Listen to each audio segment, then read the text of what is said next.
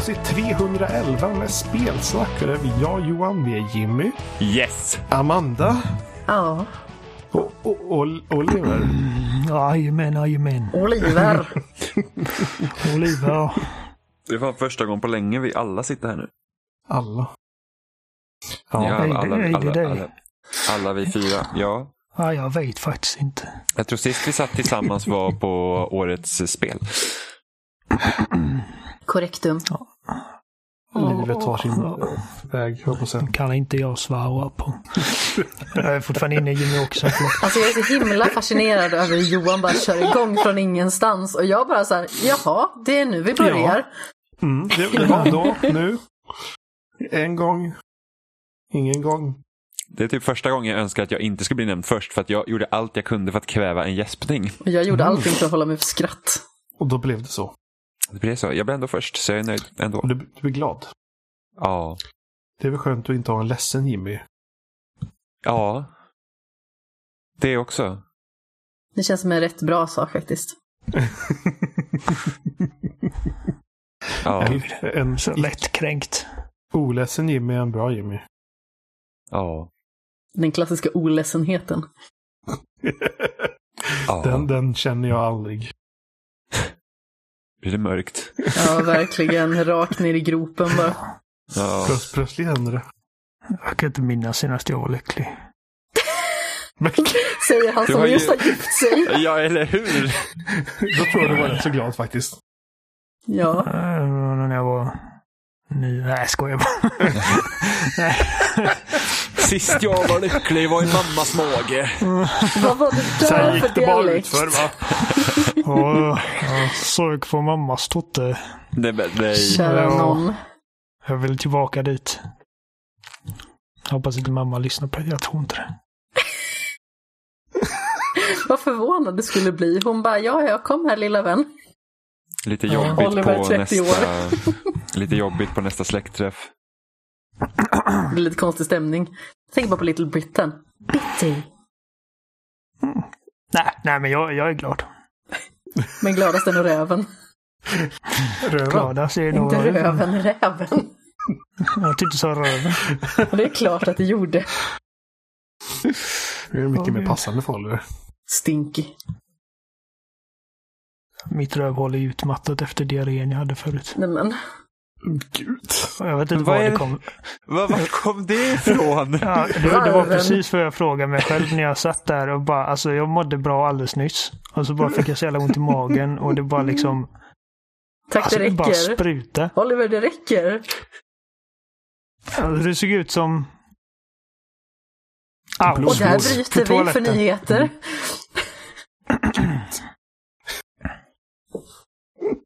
Alltså hur går man ens vidare från det här?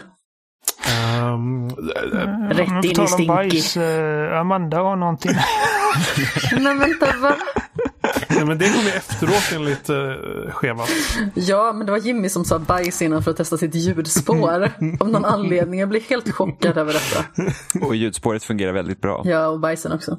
Eh, Lyssnarna har ingen aning om vad vi pratar om just nu. De brukar inte höra bajstestet. nej, Jag tror, de, de, de vet nog om att det finns. Jag tror det finns något, några avsnitt där det finns som typ... Um, Intro slash outro. ja, ja, jag tror att vi har nämnt att vi har någon gång på också. Robins rendition av Nyankat med allas bajstest. Åh nej. han behöver få lite tid över för det. Det är väldigt roligt. Det är en eh, annan podcast som säger puss hej i slutet. Och de klippte ihop alla puss hej de hade sagt. Så det låter till slut som att de säger pussy. Ja, fantastiskt det. roligt. Du, du behövde bara säga det en gång innan jag tänkte på det. Pussy, pussy, pussy. Ja. För det är allt du tänker på Johan. Katter ja. Precis. Snygg save. Du är så, du är så eh, ren och, och skär, Johan. Du är en, du är en pure soul. Ren och skär också. Johan är rosa. Jävlar vad rosa är. Jag känner att den här podden Ja, men har nu- redan spårat ja, något in i Ja, nu helsike. går vi vidare. Ja, Det är lågvattenmärke nu. Nej, det är rätt härligt ändå. Ja, vem vill börja och prata om någonting? Som inte är bajs och rosa. Oh, fan vad det sved i rövhålet alltså. Oliver, Gud, jag, jag, har spel, jag har spelat spel som inte är speciellt bra. var det anus? Nej, inte så farligt. Jag tänkte vi skulle göra en liten Ja. övergång från Olivers rövhål till Jag förstod. skitspel. Jag förstod. Nej, men jag har spelat My Friend Pedro. Eh, finns på Game Pass, så det är därifrån jag har spelat det. Och jag har liksom varit sugen på att spela det här sedan det släpptes på Switch i somras. Så att det är typ i samma gren som Hotline Miami. Liksom den typen av in på en bana, döda allt du ser och klara banan. Fast man ser det inte fr- uppifrån utan det är från sidan. Så det är mer som en, liksom en Typ som Katana Zero. Ja, precis. Fast i 3D. Eh, och då liksom har man så här att man ska då chaina ihop olika kombos och så har man liksom eh, akimbo, typ Usis eller pistoler och så finns det typ shotguns. Så det finns liksom en mängd olika vapen i alla fall och så kan man bromsa tiden och lite sådana grejer. Eh, och så gäller det att att ta igenom snabbt banan och försöka hålla upp sin liksom, combo counter så att man eh, så att man får så höga poäng som möjligt om det är det man är ute efter. Sen så finns det också en story bakom spelet också så att man behöver liksom inte, blir man sig om poängen så behöver man inte bry sig utan man kan bara klara banorna. Eh, och liksom med den premissen så är det ganska, alltså det är väl liksom trevligt tänker jag. Liksom, det kan vara kul att, att, att köra igenom. Eh, och det är väl liksom lite småroligt.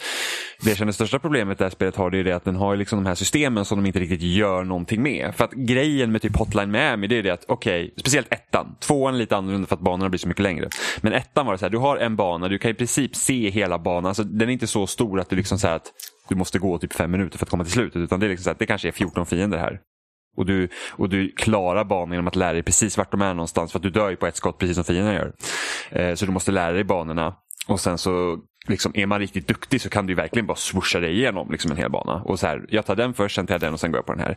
Eh, och något sånt hade jag önskat typ att eh, My Friend Pedro också skulle vara. Men det är liksom för att få höga poäng, ja då kan det krävas lite högre finess. För liksom, du kan typ göra olika styles och sådana grejer och så kan du få högre poäng. Till exempel så att du, ja, men du skjuter två fiender samtidigt. För att den har en grej så att du kan, du kan låsa liksom ena armen på en fiende samtidigt som du siktar med den andra armen på en annan fiende. Och det är så många skjuter två samtidigt till exempel om de står emellan.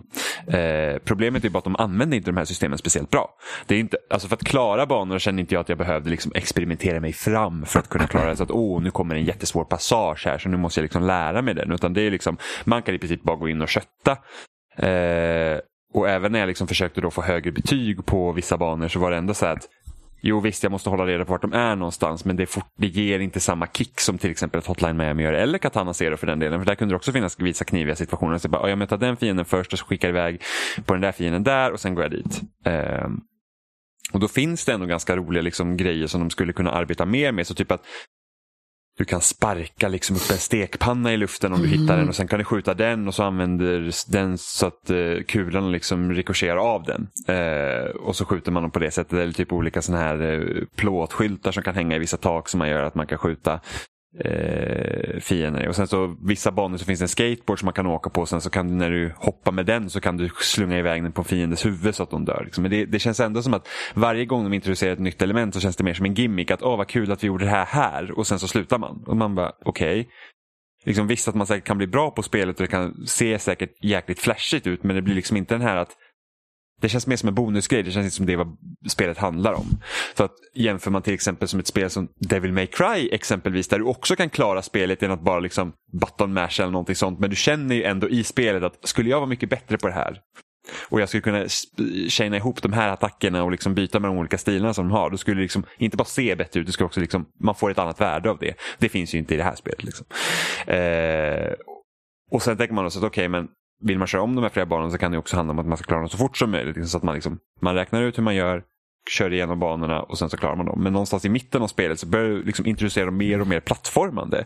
Och plattformandet är uruselt i det här spelet. Gubben hoppar inte så jäkla högt så det känns redan inte bra där. Åh, eh, och sen hamnar man i någon sån här drömsekvens. Så det är att liksom vissa av de här plattformarna man springer på de försvinner. Och det är liksom så här, det är lite oklart när de försvinner och hur man måste agera mot dem. Så att ibland dör man bara så här på skumma sätt. Och det är så här, men det här känns inte bra eller är ens kul. Och liksom ska man då spela om de här banorna? Alltså, vad vill spelet att det ska vara? Ska det vara liksom ett spel där man liksom tar ut fiender och att det är det som är fokuset med alla systemen ni har? Eller ska man liksom ha en plattformsbana där det inte handlar så mycket alls om att fiendeplacering och sådana grejer? Så att jag vet liksom inte riktigt hur de har tänkt. Det är som att de har haft liksom olika bra liksom idéer och sen så har de bara liksom mixat ihop det och sen så bara, ah, ja det, det, det får typ vara kul. Eh, för att det är liksom, alltså premissen är inget, inget liksom fel på, man, man vaknar upp, man blir anklagad för ett brott och sen har man en talande banan med sig. Eh, som säger att han heter Pedro och han är ens vän. Liksom. Så att det är liksom så här, man bara okej, okay, liksom, så det är lite mer flippat på det sättet. Eh, men det är liksom, ja, alltså det, jag, jag, jag trodde att det skulle vara mycket bättre än vad det var. Eh, så att det, det, är inget spel man behöver spela känner jag. Jag måste ju bara säga apropå så här eh, plattformande spel i kanske inte samma stuk men som kan vara lite halvsvårt. Det är ju att varje gång jag hör Pedro så tänker jag på Guacamelee 2. För att eh, där går man förbi massa liksom, tavlor med memes på som de har gjort om. Och eh, då finns det ju någonting som heter Pedro Bear. Som de har dömt om i det spelet till Pedro Bear. Eh, väldigt, väldigt roligt när man ser det, tycker jag i alla fall. Eh, så jag tänker hela tiden på det varje gång jag hör det namnet nu. Så jag liksom fick, alltså, fått för mig att My Friend Pedro, där spelar man som en björn. alltså det finns ju dock en risk med att använda sån typ av referenshumor för att den kommer ju inte åldras bra. Nej, men när Nej. jag spelade spelet, vilket alltså var i våras, så var det fortfarande roligt. I och för sig, då hade det släppts eh, inte ens ett år innan dess tror jag. Jag tror att det släpptes sommaren 2018. Men jag fnissade rätt gott åt det. Sen eh, har de ju väldigt mycket referenshumor i första Guacamele också. Och det höll jag också för det spelade jag precis innan dess. Mm. Eh, de spelen är väldigt roliga co-op förresten. Mm. Ja men Guacamele, jag spelar första. Jag tycker det är väldigt bra. Borde spela eh, andra också. Ja, det borde jag göra. Superskoj. Eh, men ändå, jag känner så här, typ att skulle man, om ett spel ska släppas idag och de liksom har, alltså det var väl lite så vi kände egentligen för Borderlands 3. För man tänkte så här att, åh vad kul med ett nytt Borderlands, för tvåan hade väldigt roliga liksom, populärkulturella referenser till den tiden. Mm. Mm. Som funkar väldigt bra också för oss som liksom känner igen det. Och så tänkte man, undrar vad de kommer dra ifrån i Borderlands 3. Och det kändes mm. som att de fortfarande är fast i 2012. Man var så här, mm. eh, och jag känner väl liksom så här att, skulle man spela ett spel som släpps idag och så ser man typ rage face någonstans i som en referens. Fast, man ska bara så Fast var det mm. ens det som var fel? Alltså, jag, jag känner att, det var bara jag dåligt. Att, ja, men, jo, jo, precis. Men jag känner också att det var liksom att de hade inte utvecklat humorn. Utan de kände att de var fortfarande fast i det. Liksom... Ja, de, de, de är kvar i samma typ av humor, som gjorde de det sämre. Precis, och det var typ såhär, ja men vet du vad som är kul? Penis och bajs. Alltså penis är ja, ganska och... så roligt. Så. Jo, i rätt kontext det, Nej men det var liksom, det, och det var ju samma vad jag tänkte innan. Folk skrev på Twitter typ att alltså, det är så dålig bajshumor i det här spelet. Tänkte, tänkte innan jag spelat på Let's Play, vad förväntar de sig egentligen? Det är, liksom, det är, det är liksom så dålig bajshumor. Det är liksom, det är liksom, liksom Ja, och sen alla skrek. Det var ja, typ men... såhär, åh vad roligt det är för att vi skriker. Åh nej. Ja, men jag tänkte liksom att, ja, men det är väl inget bajshumor liksom, för det är liksom, det, det är Borderlands. Men sen så tröttar man ju på bajshumor när man spelat ett tag. Liksom. Jo, men sen, men sen vi spelar också ett, vi spelar också ett, två, tre rad. Ja. Och det är skillnad i kvalitet. Ja. Det är jättestor skillnad i kvalitet. Så det, är liksom, gör det ju mer uppenbart. Så, liksom. så, det, så, det, är inte bara så här, det här är Borderlands. Så bara, jo okej, Borderlands har alltid linat lite på den här typen av humor. Men liksom... Jo men det, det trodde jag innan jag hade spelat det. Men sen mm. så märkte man att det var dåligt. För det kommer jag ihåg också vad Emma sa. Hon bara, jag bryr mig inte om vad de säger, jag gillar sånt. Så att, eh, men liksom också där när Borderlands 3 slutar och eh, låten eh, This Girl Is On Fire kommer. Och man så bara, den, dålen, den, dålen, den låten är så dålig. Ja men det är liksom, alltså med tanke på vad som händer i slutet på Borderlands 3, vi ska inte spoila det för spelet är ändå rätt så nytt, så är det så verkligen så här att Really? liksom, vad, vad, vad, gör ni? Och sen Fel. hjälper inte det typ att Randy Pitchford också är så här ett stort creep. Uh, så att, ja. Det liksom mm. ligger i bakhuvudet och surrar hela tiden. Mm. Borderlands 3. Alltså såg ni, det här ursäkta mig om jag hoppar in på något helt annat nu. Men såg ni att Dan Houser ska lämna Rockstar? Ja. Ja. Det, det känns sjukt. Vi lämnar Rockstar helt? Ja. Sam Houser kommer fortfarande kvar eh, som ja, den positionen han är på. Men Dan Houser har ju varit liksom stor. Alltså han har ju liksom varit typ skrivit manus till Max Payne 3, GTA 4 och GTA 5. Vad var anledningen? Och Red Dead Redemption 1 och 2. Eh, nu så såg jag ju dock att de två som också var med och skrev GTA 4 också arbetar med honom nära så det är antagligen de som kommer ta över. Eh, och det var med GTA 4 också, jag tycker att deras ton av berättande börjar hamna liksom på rätt spår om man säger så. Eh, liksom, det blir lite mer seriöst än typ GTA San Andreas och Vice City och GTA 3 till exempel. Eh, och med tanke på Red Dead Redemption 2 var skrivet så var det bra. Men ändå, det, det måste ju ändå vara så här att jag undrar hur det kommer för, alltså, Kommer det märkas av när vi liksom sitter och spelar GTA 6? Att säga bara, hmm, det är någonting som är fel. Eller det är någonting som saknas. Eller det är inte riktigt samma. Nu behöver inte jag säga att något är fel. Det kan ju förvisso också bli bättre. Det är inte som att allt håller sig med Dan Houser. Men ändå, det är en stor grej. Men Ja, vad var anledningen till att han lämnade? Jag läste inte, jag bara såg det i periferin. Nej, alltså han, alltså äh, trött. inte vet jag. Liksom, han känner sig klar. Han, Nej, han, jag- har, han har säkert jobbat i högt tempo i ganska många år nu. Så. Ja, alltså med tanke på att han gick på han liksom gick på tjänstledighet då i januari 2019 och har liksom inte arbetat sedan dess. Så, och det var liksom efter Red Dead 2. Oj då. Så att jag kan ju tänka mig att eh, trött helt enkelt. Det är liksom, liksom, han behöver inte arbeta heller. De måste ju vara rika som Ja, krösusar. Liksom. Så att, eh, Jag, tror har inte, att- jag, tror inte att de inko- jag tror inte han slutar tjäna pengar på det heller. Så sett. nej. Sen, sen, sen så har de ju haft problem med crunch och allt det där. Och det läste jag också en rapport från Kotaku som skrev att, liksom att det har bättrat sig sen det har rapporterats om det. Så det är väl Mm. bra. Hurra, Men hurra. ändå. Ja, jag kan bara föreställa mig att han går hem till sin pengabinge och simmar i sina slantar. Ja, han bara fuck this, jag är klar. Ehm, ja, men det, det är lite tråkigt för man, man är ju rädd för att en, en eh, vital del av vad som gör Rockstar-spel till Rockstar-spel försvinner. Man får ju hoppas att han har liksom ett... Givetvis har han ett otroligt duktigt team. Eh, men det är en sån sak liksom ifall... Jag skulle nästan vilja kalla honom spelvärldens Quentin Tarantino på något sätt. Att han eh, har en väldigt säregen röst. Man, man känner igen liksom ett Rockstar-manus när man ser det. Och eh, ja, vi får se. Vad tror vi? Tror vi GTA 6 kommer gå till Vice City? Eh, alltså, eh, jag tror inte det kommer vara i Liberty City igen i alla fall. Och förmodligen inte Los Santos, det hade varit Men jättekonstigt. skulle ett, ett Vice City i vad, nutid typ då? Eller vad? Jag skulle ju hoppas att det är nutid. Jag är, in, jag är inte intresserad av att gå tillbaka till 80-talet. Liksom. För det har de gjort en gång Nej, redan. men jag tänker bara liksom hur intressant ett, ett låtsas Tycker Miami Rockstar- skulle vara idag. Rockstar är så jävla bra på, i GTA-spelen liksom att, att vara, de är väldigt kontemporära.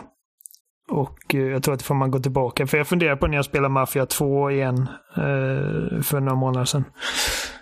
Eh, om jag skulle vilja se Rockstar tackla, liksom att göra ett riktigt GTA under 50-talet och sånt där. Vilket jag kom fram till att nej, det tror jag inte. Jag tror att det hade blivit jävligt bra. Det är nästan så att jag hellre hade sett att de gör en avstickare, typ i stil med Red Dead Redemption i så fall. Ett eget IP för liksom den typ sortens maffiaberättelse. Men eh, GTA känner jag tjänar på att vara så modernt och kontemporärt som möjligt. Ehm, men eh, alltså jag vet faktiskt, eh, alltså, För att Vice City är den enda staden som inte har fått liksom en, en renovering i modern tid. Nu, är, Ja, nu börjar ju precis. faktiskt GTA 4 bli ganska gammalt men det är fortfarande liksom, den staden är ju fortfarande liksom, Ja. ljusår framför GTA 3. Precis. Version av Liberty Alltså. GTA 5 börjar bli ganska så gammalt också. Ja, det är fan, ja, det är fan sju, Sju år, år i det gammalt, spelet. Det är fan sjukt. När man tänker på det så, GTA absolut. 4 är mer än tio år gammalt. Ja.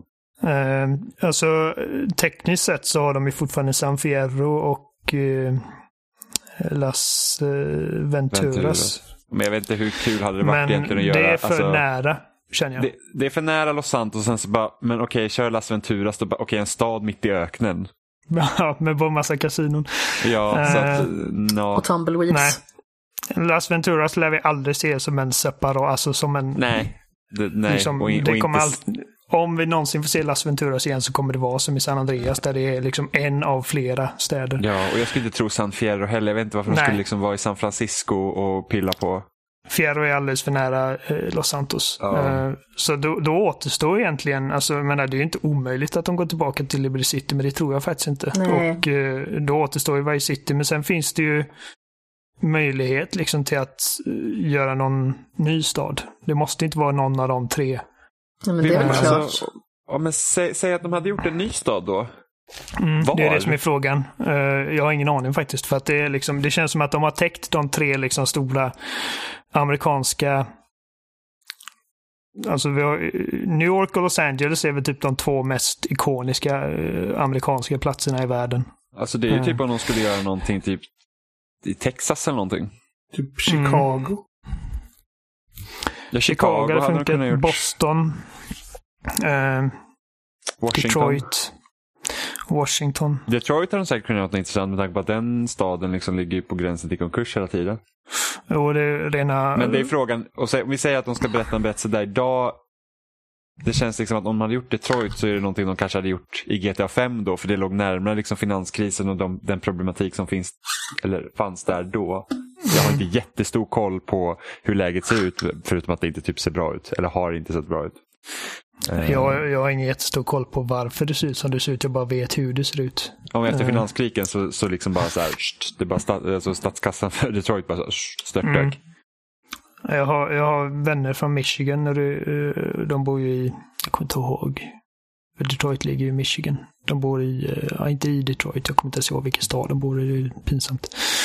Eh, Åh, men nej. jag tror de bor i Flint, men jag tror inte de bor i Flint, för Flint är också rena skithålan. Ja, de det ganska är en riktig skithåla. Eh, jag vet att de pratade om, uh, han sa Flint, Flint är nästan värre än Detroit. Liksom, de skulle inte ens, jag för mig de sa det, liksom, jag skulle aldrig sätta mig i fot där med mina barn, sa de.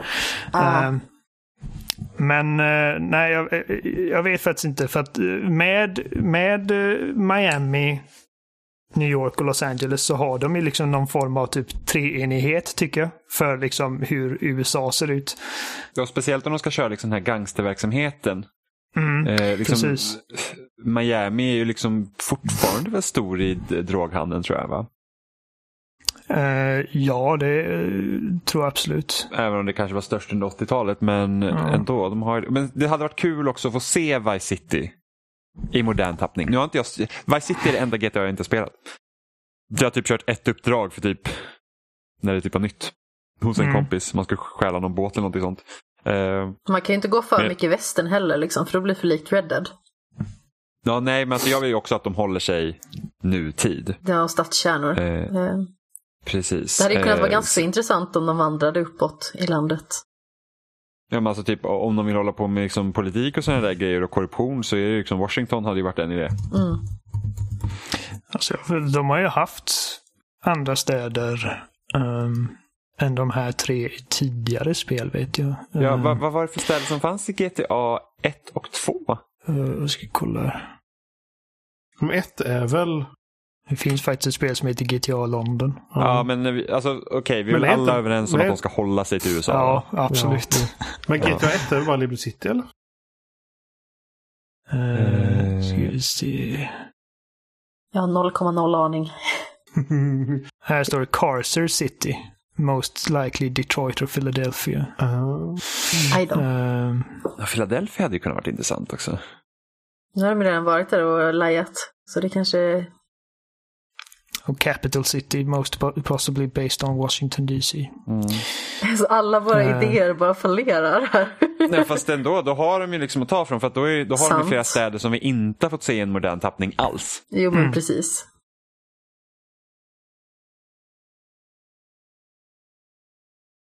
men det- det är inte GTA en 2 lätt- finns också Anywhere City, så bara, it's not based on any specific city. Ja. Men det är inte en lätt nöt att knäcka tror jag. För att det alltså... Man vill ju liksom att det ska vara en väldigt eh, ikonisk plats. Mm. Så även om, när man, även om det är en liksom påhittad stad, alltså den är inte direkt modellerad efter någon av de riktiga städerna, så känner man igen sig med en gång. Alltså de har ju fått till atmosfären och liksom hur bara sådana saker som hur gatuhörn och sånt ser ut. Nu kommer jag att spela det GTA 4 tätt inpå efter mitt första besök till New York. Jag bara, det känns som jag är tillbaka liksom.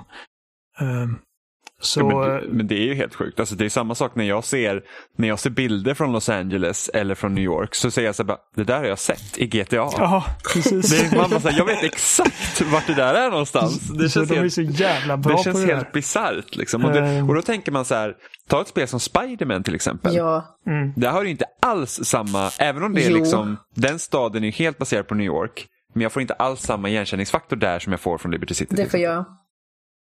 Jag, jag tycker Spiderman är alltså den mest trogna liksom renderingen av en verklig stad som jag någonsin sett i spel faktiskt. Eh, Mm. jag har inte varit i New York. Så jag har Nej. inte den jämförelsen. Men jag tror också att för min del så beror det på också att du är så mycket i luften i Spiderman. Medan i. GTA så är det ju faktiskt nere på gatorna och går. Precis, Det, liksom, det var det det, var det jag tänkte. detalj. Det var precis det jag tänkte säga. Alltså för att du, du är ju liksom inte på gatorna i, i Spiderman i någon större utsträckning. Eh, utan det är ju mer liksom när jag svingar förbi eh, när jag swishar förbi eh, Times Square exempelvis på fem sekunder. Och då känns det bara, alltså det här har jag varit liksom. Alltså det, det, det är lite större i verkligheten men jävlar, det här har jag varit. För andra gången så bodde vi på ett hotell precis på Times Square och det var liksom det var vad man såg precis när man gick ut varje morgon.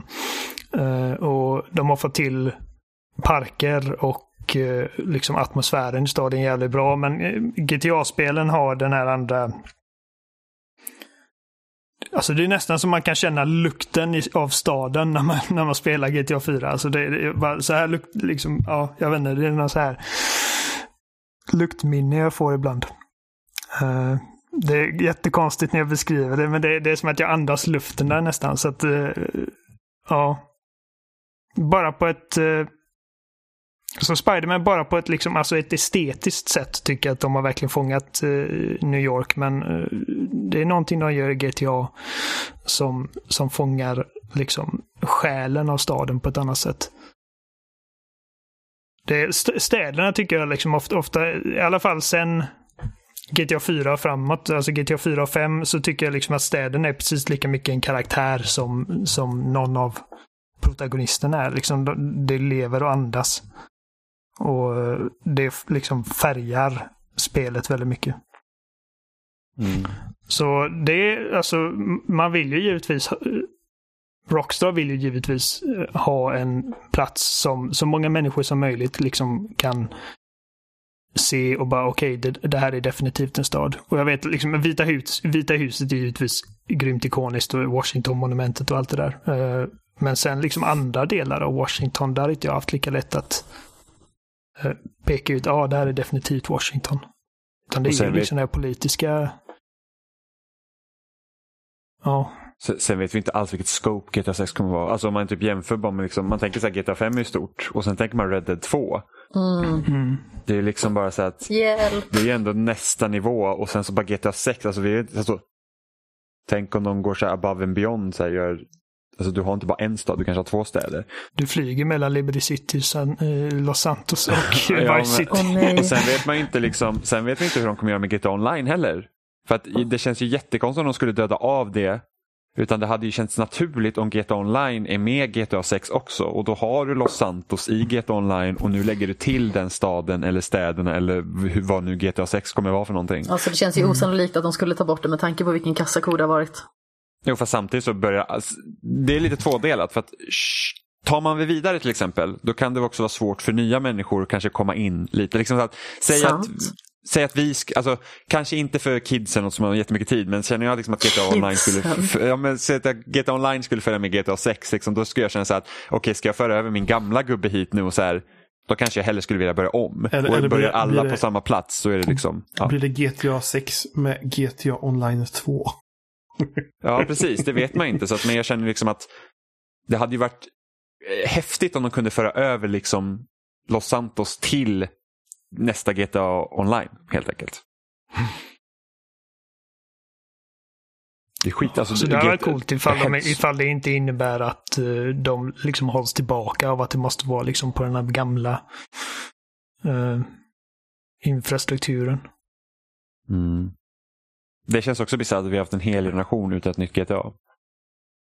Ja, men det känns inte som att det har gått så lång tid sedan GTA 5 alltså. Nej, men det har ju gjort det. Det vet, har, det har, det har, det har det är gått längre år. tid mellan GTA 5 och 6 än vad det var mellan GTA ja. 4 och 5. Och då var man här, när GTA 5 skulle komma, man bara oh my god, det har varit så länge sedan vi har fått ett nytt GTA. Jag vet, jo, det, det, har, det har ju givetvis mycket att göra med att man blir äldre och tiden går snabbare för varje dag. Liksom. Och det är typ... Men eh, alltså, jag, jag ser fortfarande liksom som GTA 5 som någon form av... Det här är liksom någon sorts pinnacle i open world design. Uh, och... uh, Ja, jag vet inte. Och sen tänkte jag på det här med storleken i Red Dead Redemption 2. Alltså du har ju mycket mer liksom, detaljer. GTA 5 är mycket mer dens än vad Red Dead Redemption 2 är. Um, du har ju mycket mer, uh, vad ska man ska säga, strukturer per kvadratkilometer i GTA 5 än vad du har i Red Dead. Mm. Men ändå, Så- detaljrikedomen i Red Dead är ju helt... Absolut, alltså detaljrikedomen det i, eh, i, liksom, i naturen, allt det där är ju helt sinnessjukt. Mm. Eh, Men eh, Alltså nu, nu är inte jag, nu, ingen av oss är givetvis spelutvecklare, men jag tror inte liksom att varje träd har, har satts ut och liksom modellerat specifikt, utan det måste vara något verktyg de har. Medan varje byggnad liksom har ju gått väldigt mycket omtanke för om man liksom närmar sig Hollywood Hills där uppe, eller ja, vad heter det, Mm. Vinewood. Um, ja, nej. Jag vet inte. Jag vet faktiskt inte vad jag vill att nästa spel ska utspela sig och ännu mindre vet jag vad, jag, liksom, vad det troligtvis kommer utspela sig. Jag har ingen Mm. aning. Det är väl, vi, inte, vi har inte den fördelen att det kommer så pass mycket spel nu hela tiden, alltså alla möjliga olika spel och att man, vi har tjänster som Game Pass och sånt så att du är aldrig utan ett nytt spel egentligen. Nej. För, jag- för jag vet ju typ när vi satt och spelade på 360 mot slutet, det var så här, jag har ingen aning vad jag ska spela. Om man liksom tittar på sin, liksom, man tittar på sin hylla, liksom, vilka spel har jag? Eh, Medans nu till exempel på Xbox One, så här, till exempel om jag ska spela någonting, då kan jag först kolla på min liksom, spelsamling och bara säga, är det något här jag vill spela? Eller så går jag in på Game Pass och så tittar jag där och så bara, åh vad det kommer för nya spel nu. Så liksom konstant flöde av nya spel, vilket gör att man liksom Ja. hinner inte riktigt Alltså det känns att, jo, jag skulle vilja spela ett nytt GTA, men det är inte som att jag sitter och längtar jättemycket efter ett nytt GTA, men man är ändå nyfiken och se vad kan de tänka sig att göra med det. Eh, Jag har inte tänkt på GTA, liksom nästa GTA alls. Liksom. Det är först nu när vi diskuterar det som jag bara, åh vad coolt det kan bli. Mm, Eh, för det är ju det, man är ju så upptagen med andra grejer att man, liksom, man sitter inte och tänker så mycket på grejer som inte ens liksom inte ens är utannonserade. nej. Uh, Nej, jag, hinner, säkert alltså, att de håller på med någonting men jag tycker bara det är så skönt nu under januari, februari. Det har liksom inte kommit något nytt spel som jag känner att det där ska jag sätta mig och spela nu. Så jag har liksom kunnat liksom, nagga av min bakkatalog lite. ja, faktiskt. jag så det är så tar här bara, med en jag grejer som, här. Men jag hade aldrig börjat spela Kingdom Hearts ifall, ifall det släpps massa spel här nu. Jag tycker också att det Ja, har vi- varit rätt skönt att det har varit liksom ganska så lugnt. Mm. Måste jag säga. Jag har också kunnat beta av några titlar. Så hur går det med Kingdom Hearts, Oliver? Eh, jag är klar med ettan nu. Ja. Och... eh, ja, jag är, jag är kluven alltså. Men man är ju det Eh. på något vis. För att det är mycket i spelet som fungerar ytterst tveksamt. Och det är liksom en moralkaka som kan stå en upp i halsen ibland. Men det är någonting som man bara säger, men det är ett rätt bra spel ändå. Manuset är så horribelt. Mm. Alltså verkligen så jävla uselt att det, det, det är liksom så att jag sitter och undrar hur fan kan den här serien ha liksom fans? Alltså, som, som, som är investerade i de här karaktärerna. Men ibland så sitter man liksom och tänker så här, bara, åh vad mysigt det var att spela Kingdom Hearts. För jag känner verkligen så, alltså när jag tänker tillbaka på när jag spelar Kingdom Hearts så blir man så här, åh vad härligt det var, härliga tider på något vis. Och sen så när man tänker på det här jävla plattformandet i eh, Tarzan-världen, alltså då vill man ju typ skalla en vägg. Uh, striderna, alltså jag, jag har ju fått ändra mig lite. Sist vi pratade om det så sa jag dels att dina liksom party members, alltså Donald och Goofy, Mm. att de inte gör ett skit. Och det, det blev mycket bättre senare när de började liksom levela upp och få lite mer abilities. Alltså Donald släpade mig i princip. Eh, Man kan ju göra ganska så mycket med alla sina karaktärer med olika typer av eh, ability points som man får och sätta dem på olika saker som förbättrar en hel del. Tycker jag i alla fall. Ja, Eh, och jag tyckte också att det var till stor Eh. hjälp i slutet. Vad tycker du om slutstriden i allmänhet? Den är ju jättelång, verkligen. vilken av dem? Alltså det, Den absolut sista striden i hela Ja, spelet. ja. Den är ju så lång liksom så att det liknar inget annat. Jag var helt andfådd och var typ så här, förstörd efteråt och fick typ gå ut och gå i en och en halv mil bara för att typ så här, eh, lugna ner mig lite grann. Den tog mig inte lika lång tid som den näst sista striden. Uh, Jaså? uh, alltså andra försöket fick jag den på. Mm. Så att det var liksom fem minuter jag spenderade där. Och eh, Tog sista striden Alltså- fem minuter för dig? ja, ungefär. Va? Den är ju jättelång. Det är Jag så många faser. honom. Det är så många faser i den. Det kändes som att den var typ så här en Eh, halvtimme det lång är åtminstone. jättemånga faser, men, men de är inte så invecklade. Alltså det börjar liksom... Alltså för det första, det var ju någonting som jag sa att ja, just nu ser det ut som Maleficent är liksom huvudskurken, men det, det kommer ju säkert göra den här liksom japanska grejen att det är någon sorts gud som är typ slutfighten. Och så var det ju. Alltså Maleficent är bara en pan och det kommer någon så här ond snubbe som man bara liksom hört talas om flyktigt genom spelets gång. Ansem, ja. Eh, och man har liksom en vanlig fight med honom. Eh, den hade jag mer problem med. Liksom, med man skulle typ parera hans slag och grejer. Ja, men när man står typ på en liten där- bakgård eller någonting sånt. Ja, precis. Eh, och man har inte Donald the Goofy med sig. Ehm, så att Ja, den var lite problematisk. Kalanka kan liksom inte heala en hela tiden. Ehm, och sen när man besegrar honom så blir han liksom en planet i princip. man, bara, Ja, det är supermärkligt. man, är, man typ flyger runt ute i liksom Alltså det, det är inte rymden antar jag. Det är någon form liksom något kosmos mellan verkligheter och han är liksom en enda stor blob av... alltså det är helt Det är jättebisarrt. obeskrivligt. Det, finns, det är ingen idé att jag sitter här och försöker beskriva det. Det är bara en stor blob med massa olika tentakler och grejer. Så man slår honom med an- ansiktet några gånger tills hans livmätare går in och sen så transporteras man till ett annat rum och så slåss man mot massa fiender där och då lösgör man Goofy så han är med nästa gång så ska man slå sönder typ en annan del av den här blobben. Ja.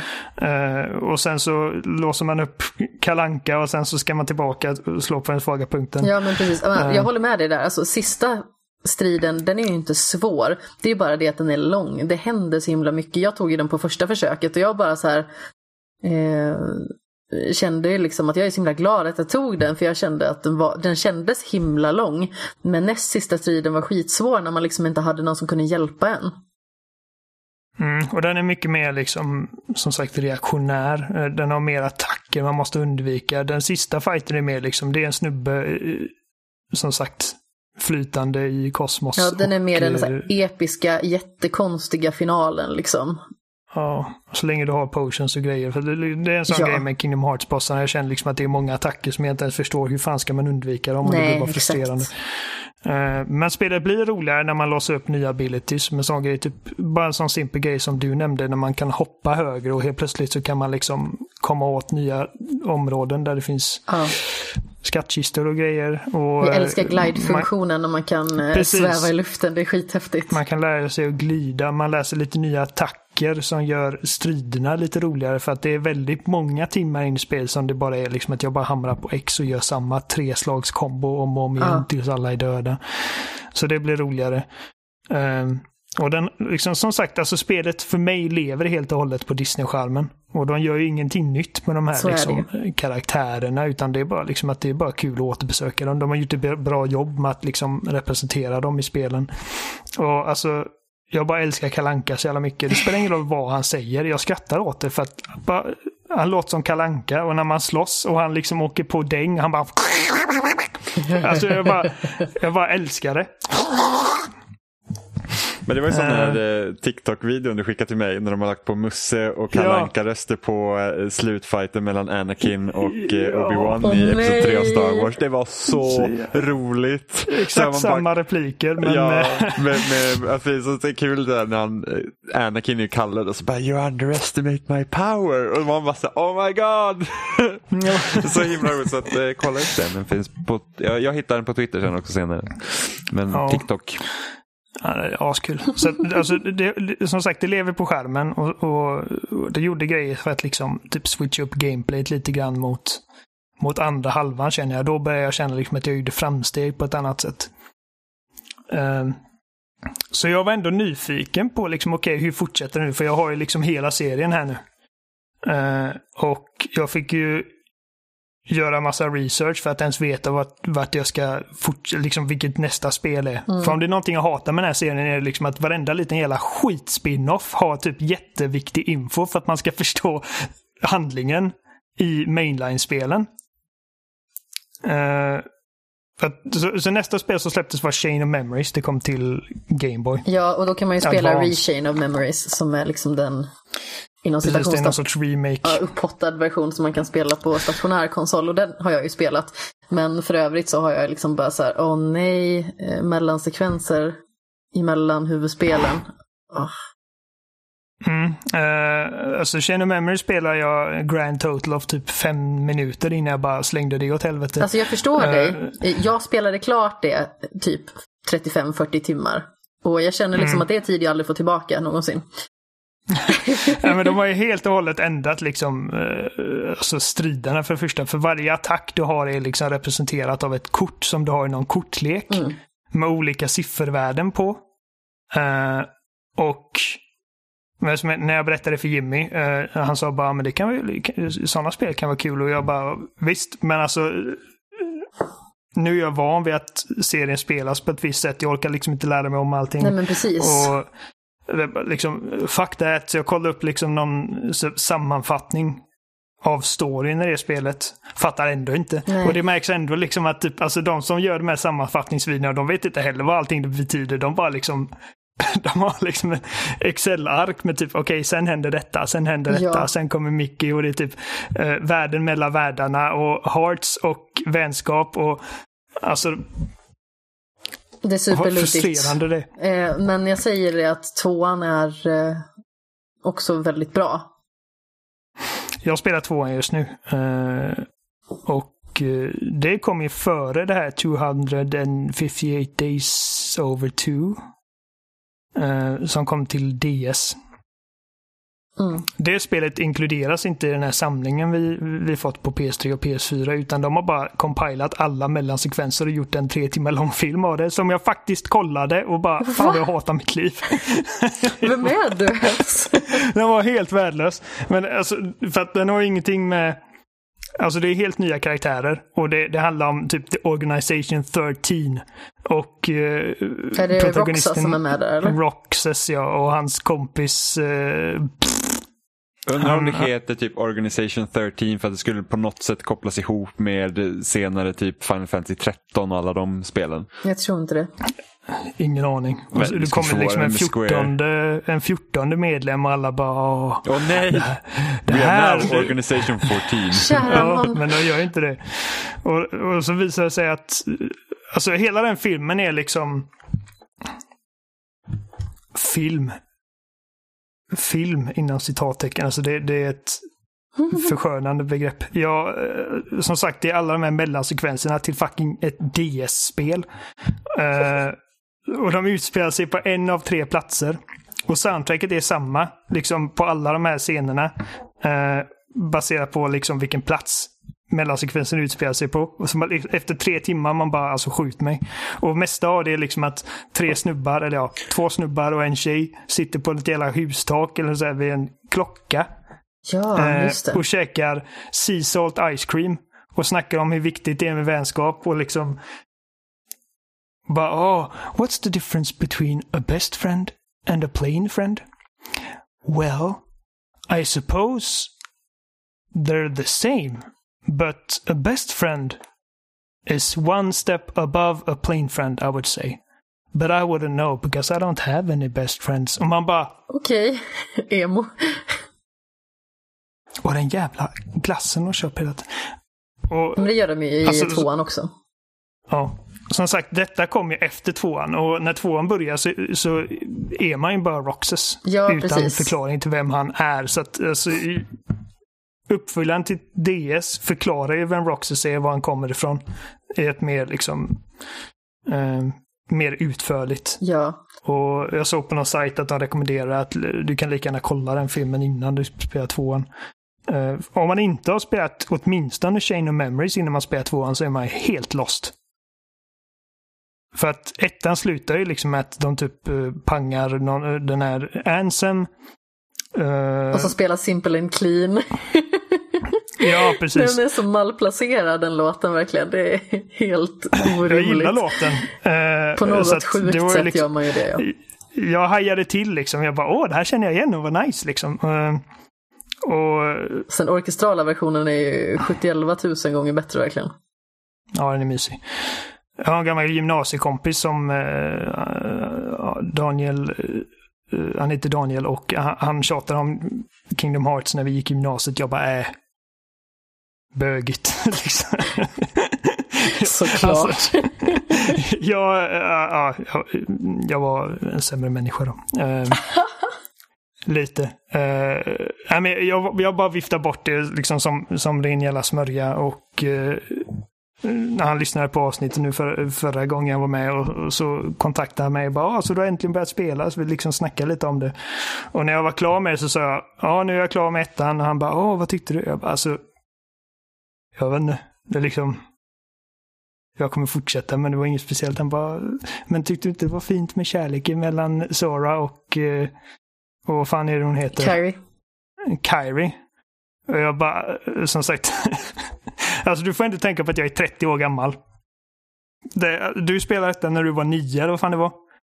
Eh, så att det blir liksom, alltså de har ju liksom inte ett, ett särskilt påfläsket förhållande. Nej, och jag var också över 20 liksom när jag spelade det, så man bara så här, jaha, vad är det här ens?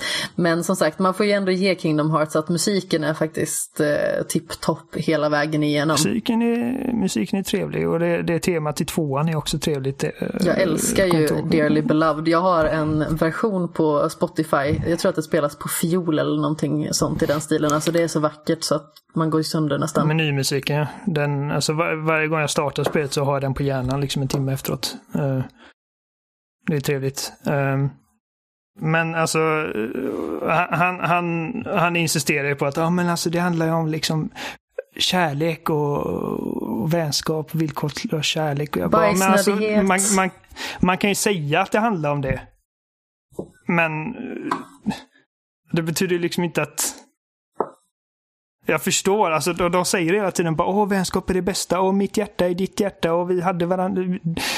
Jag hade ditt hjärta i mig in- hela tiden och vi, vi är en del av varandra och jag älskar dig och bla bla. Men det är liksom bara så jävla bajsnödigt och högtravande och liksom bara så fullt av bullshit.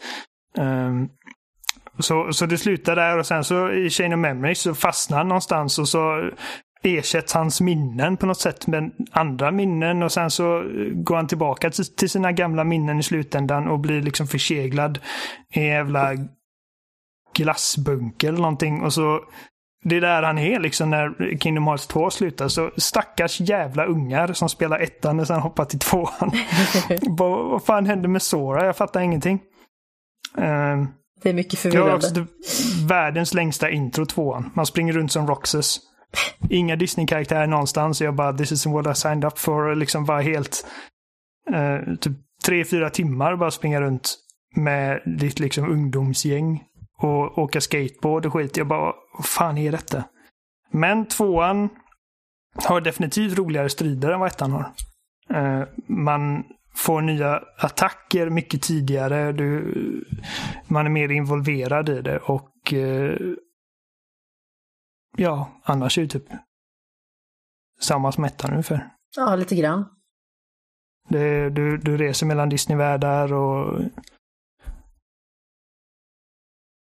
ja, det är väl typ det. Ja.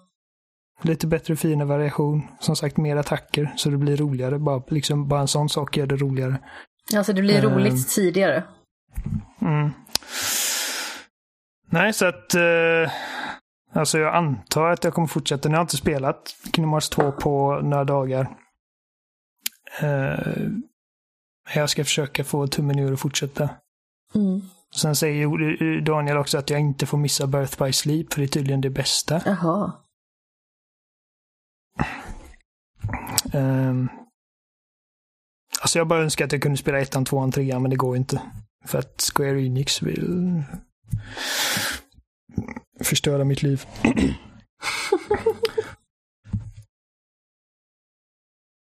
Nej, jag är färdig. Härliga tider. Ja. Sen nästa man till drabbning höll jag på att säga. Jag antar att det bara är jag kvar. ja, du har varit på äventyr. Eh, ja, jag var på en eh, tillställning som heter Retroresan Meetup. Det är faktiskt den eh, tionde gången som jag åker på en sån här Retroresan Meetup. Så jag har varit med ganska så många gånger nu i det här laget. Eh, jag tillhör ju ganska så initialt en annan typ av eh, spelklick än, än spelsnack. Och det är den som liksom är mer cirkulerande kring svampriket och då den här gamla podcasten Retroresan. Som Samson Wiklund och eh, Anders Brunlöv hade under tre säsonger. Och den fick väl en ganska så stor eh, skara följare. Så när den lades ner 2012 så började man starta meetups helt enkelt. Och det har liksom blivit en tradition så vi åker tillsammans och eh, tidigare så var det tre dagar och numera är det fyra dagar då. Så vi ses och spelar brädspel, spelar tv-spel. Tidigare var det mer retrospel. Men eh, nu är det kanske lite mer moderna spel också. Så det är hyfsat mycket variation. Det som är ganska så skönt är liksom att man kan göra lite som man vill på de här träffarna. Man kan ifall man vill umgås jättemycket. Man kan också göra som jag gjorde den här gången att eh, jag satte mig med min PS4, jag fick låna en skärm och sen så satt jag och plöjde spel ganska så mycket. Eh, Så jag spelade klart Ash of Gods. Och det var så himla roligt för att eh, vi pratade om det förra veckan, jag och Jimmy. Och eh, jag vet inte hur många gånger det var folk som bara Spelar du Bannersaga? Och man bara sa nej, det gör jag inte. eh, och sen så min kompis Peter kom också in bara Ja, du är klar med spelet. Eh, hur var Bannersaga? Jag bara, så, det var inte Bannersaga. så eh, jag antar liksom att det är otroligt likt och Banner Saga är någonting jag kommer ta tag i i framtiden för det här känns ju kanske lite som en eh, B-version av det. På det stora, stora hela kände jag att eh, berättelsen fick mig inte investerad för fem öre och inte ens när mina karaktärer dog. Eh, för det var en jättedum grej faktiskt. Jag kom till ett ställe där jag kunde välja att fly eller slåss.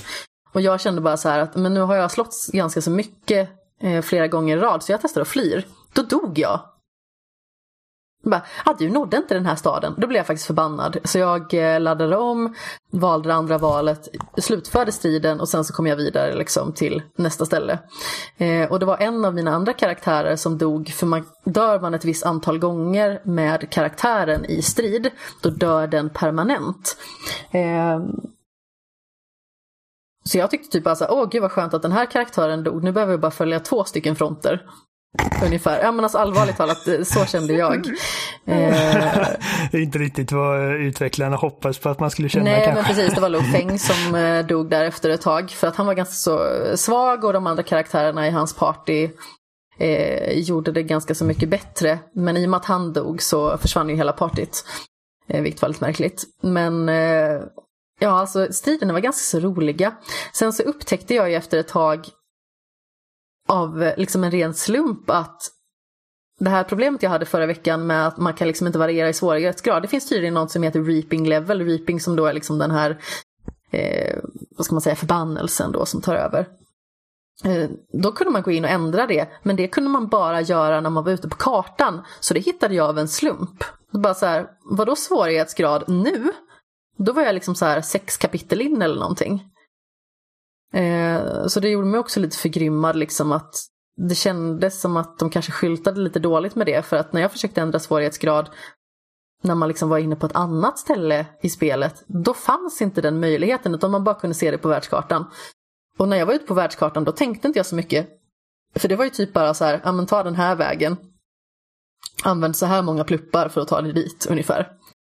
Eh, ja, så det, det var en väldigt märklig upplevelse. Men det kommer en recension på det i skriftlig form. Och eh, sen spelade jag också igenom Untitled Goose Game. Som vi också pratade om förra veckan. Jag ska hålla mig kort om det. Det var charmigt att eh, vara ett rövhål. Men styrningen var också väldigt slipprig. Det kändes som att vissa lösningar var så här, hur fasen ska jag kunna veta det? För att det är en dam till exempel som står med en vas. Och då ska man ta vasen in till den andra sidan av eh, trädgården som är avskärmad. Där då mannen i familjen sitter. Så man ska gå dit med vasen, den här mannen ska lacka och sen ska han kasta tillbaka vasen in till damens sida. Eh, och det kändes också väldigt så här orimligt. Så det fick jag faktiskt kolla upp. Eh, för jag bara så här, kom igen nu. Eh, jag försöker ju honka dig här så att du ska bli skrämd och tappa vasen liksom. Men eh, det gick inte.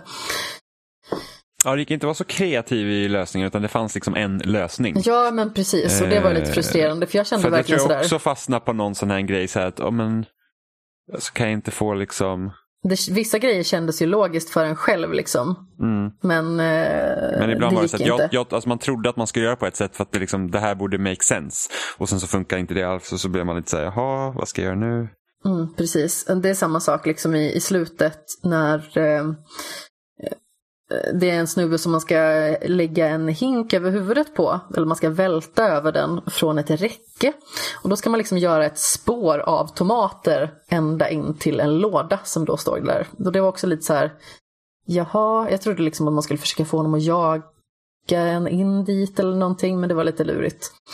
Eh, men som sagt, det kändes som att man kunde inte ha så himla mycket kreativ frihet, vilket skulle behövas lite mer i ett sånt här spel för att få liksom, den urballade premissen att fungera ännu bättre.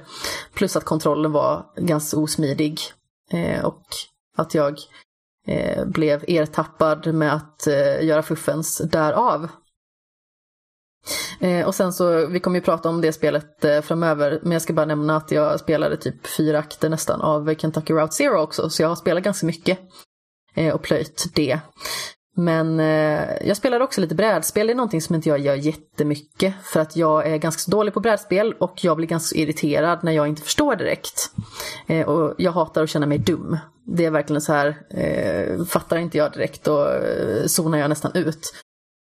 You and me both. Åh, tack kompis. Men då i alla fall så spelade vi Zombieside. Eh, Så då var vi, tror vi var sex stycken som spelade det. Vi hade en som liksom eh, ledde oss, eh, som hade spelat det här spelet tidigare. Och sen så var det några som eh, hade vissa karaktärer som jag menar, jag kanske inte gick in för det så himla mycket, men jag hade en, en kompis som hade en karaktär som heter Silas. Eh, och av någon anledning så började han prata med Lidingö-dialekt till den här karaktären. Eh, det var väldigt roligt. Eh, och sen så min kompis Anna, eh, man kanske har sett henne på sociala medier, eh, konstnärs-Anna. Eh, Anna Ida Rebecka gör fantastiska eh, kreationer. Eh, oerhört eh, vackra eh, tryck som man kan beställa av henne som hon har eh, skapat hon är fantastisk på att teckna.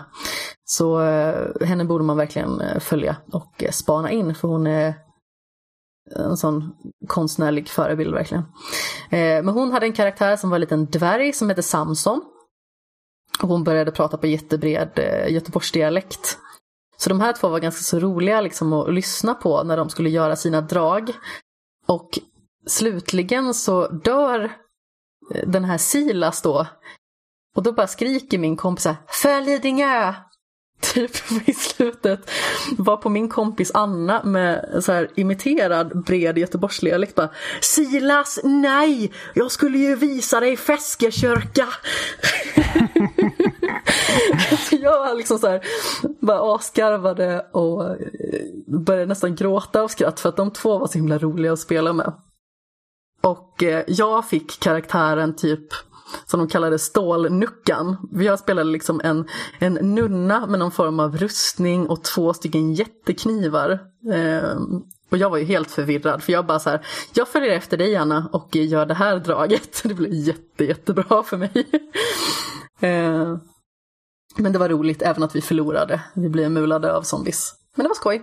Ganska svårt. Um, men jag spelar inte så mycket brädspel. Jag kommer ihåg att en av de första gångerna som jag faktiskt var i eh, Strängnäs då, som det här var. Eh, på sommaren så är det i Garphyttan. Eh, utanför Örebro, i närheten av en liten ort som också heter Vintrosa. Jag antar att det ska uttalas så. Det blir roligare om man gör det i alla fall. Men som sagt, vi var Häradsbygdegård och för typ fyra år sedan eller någonting när jag var där, då var jag så himla slu slutkörd när jag hade kört i mörker. Eh, och så ville de att vi skulle spela Mansions of Madness. Och jag var verkligen inte med i matchen. Jag satt typ och sov när vi spelade det. Så eh, min eh, kära vän Glenn satt och typ ledsagade mig hela tiden. Eh, och alla hade liksom blivit eh, galna i spelet. Och han liksom bara så här, Amanda nu ska du slå så här många slag, eh, så här många tärningar. Och jag liksom bara, nej, nej, nej, nej. Och satt och sov på min hand typ. Så det är typ mina starkaste erfarenheter när det gäller eh, brädspel. Så, men... Sova på handen. Ja, ungefär så. Eh, jag är inte så bra på att eh, spela brädspel i allmänhet. Eh, oftast kan det vara så att det är väldigt kul när man väl kommer igång med det och man börjar förstå, men jag är ju en sån som, eh, när inte jag förstår direkt, då blir jag typ så här, ah, men vad fan, så, sitter liksom och typ så här småmorrar för mig själv för att jag känner mig så himla korkad.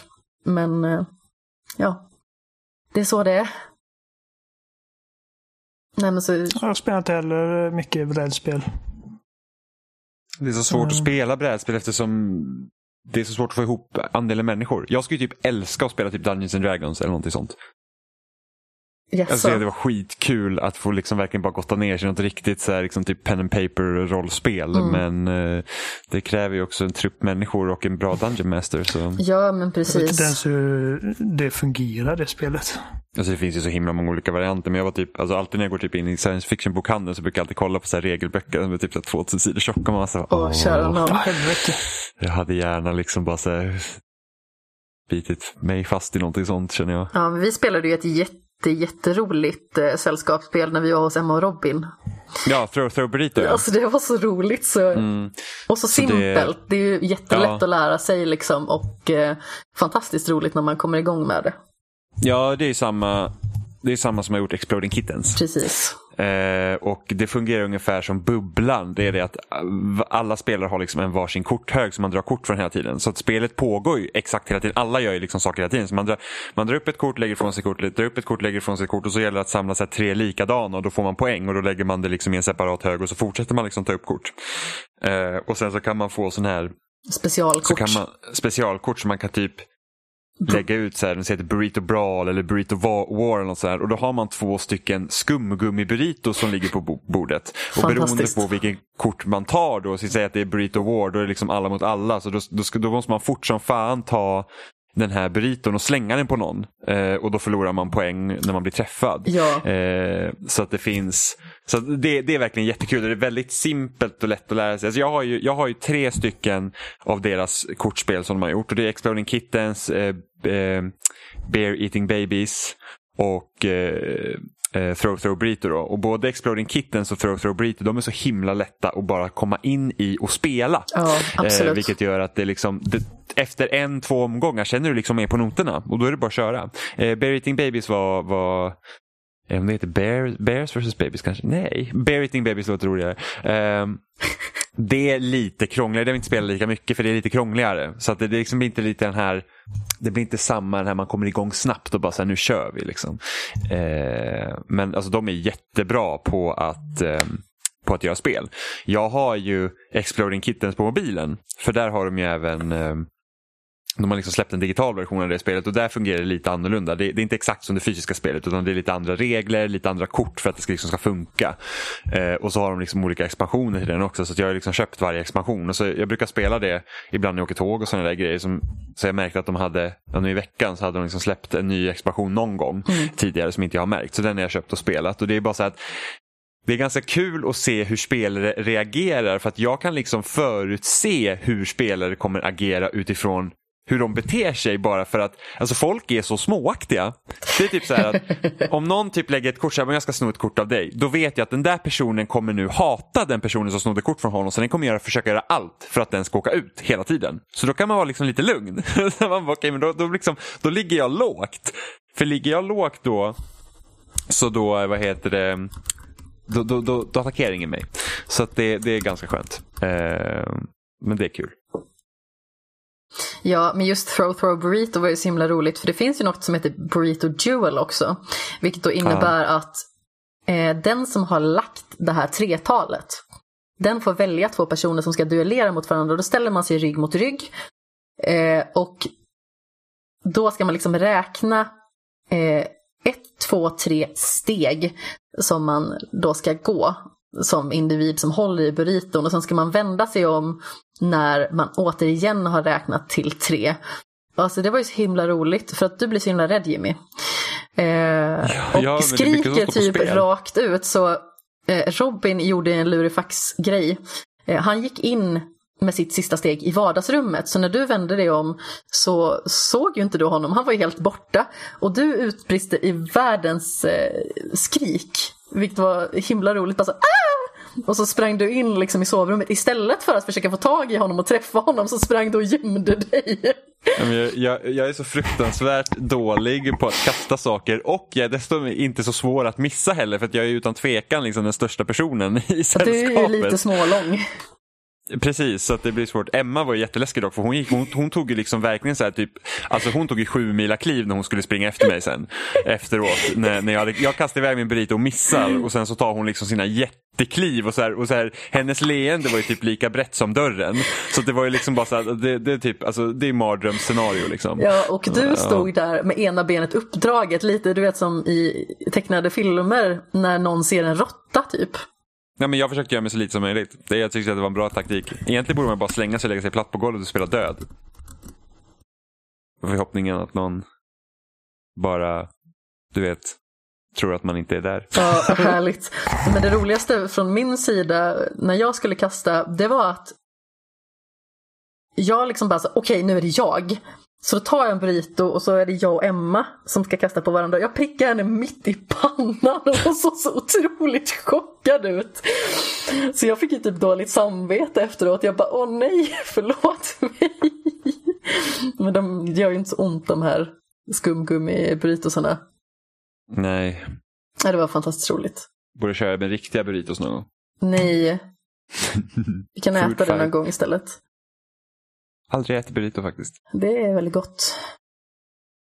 Det är säkert. Mm. Jag tappade dock matlusten i och med att Oliver skickade en bajsgif i eh, chatten. Och jag ska ställa mig och laga mat efteråt. Och jag ska laga jordnötssås mm. dessutom. Det, var, det var ju olyckligt. Det var väldigt olyckligt. För Lidingö. Va? Jävlar vad noshörningen bajsar. uh, uh, jaha, jag antar att vi rundar av då. Copperfield. Uh, vi My finns, poop is coming. Vi finns som vanligt på spesnack.com. Där hittar ni länkar till alla möjliga ställen. Um, ja. Lyssna på oss i podcastappar och sådana saker. Uh, skriv till oss. Uh, e-post, kontakta.spesnang.com eller förnamn.spesnang.com eller eh, finns på Twitter, ett spesnackpodd. Ja. Vi alla ja. finns på Twitter också. Oliver Thulin, eh, Seppele 13, Kapten Sten med två E. Johan Folsson. Ja. Emma Strake. Just det. Mm, och Smattepojk också, fast han är ju så himla inaktiv. Nej, han är gruppens boomer. Han bara sociala medier, vad är det? Vad det är exakt så Robin pratar verkligen. Ja, eller hur? Jag tyckte uncanny säger jag bara. Herregud. Ja. Puss i ljumsken antar jag. Vi hörs om en vecka Okej vi. då. Bajs. Nämen. Hej då.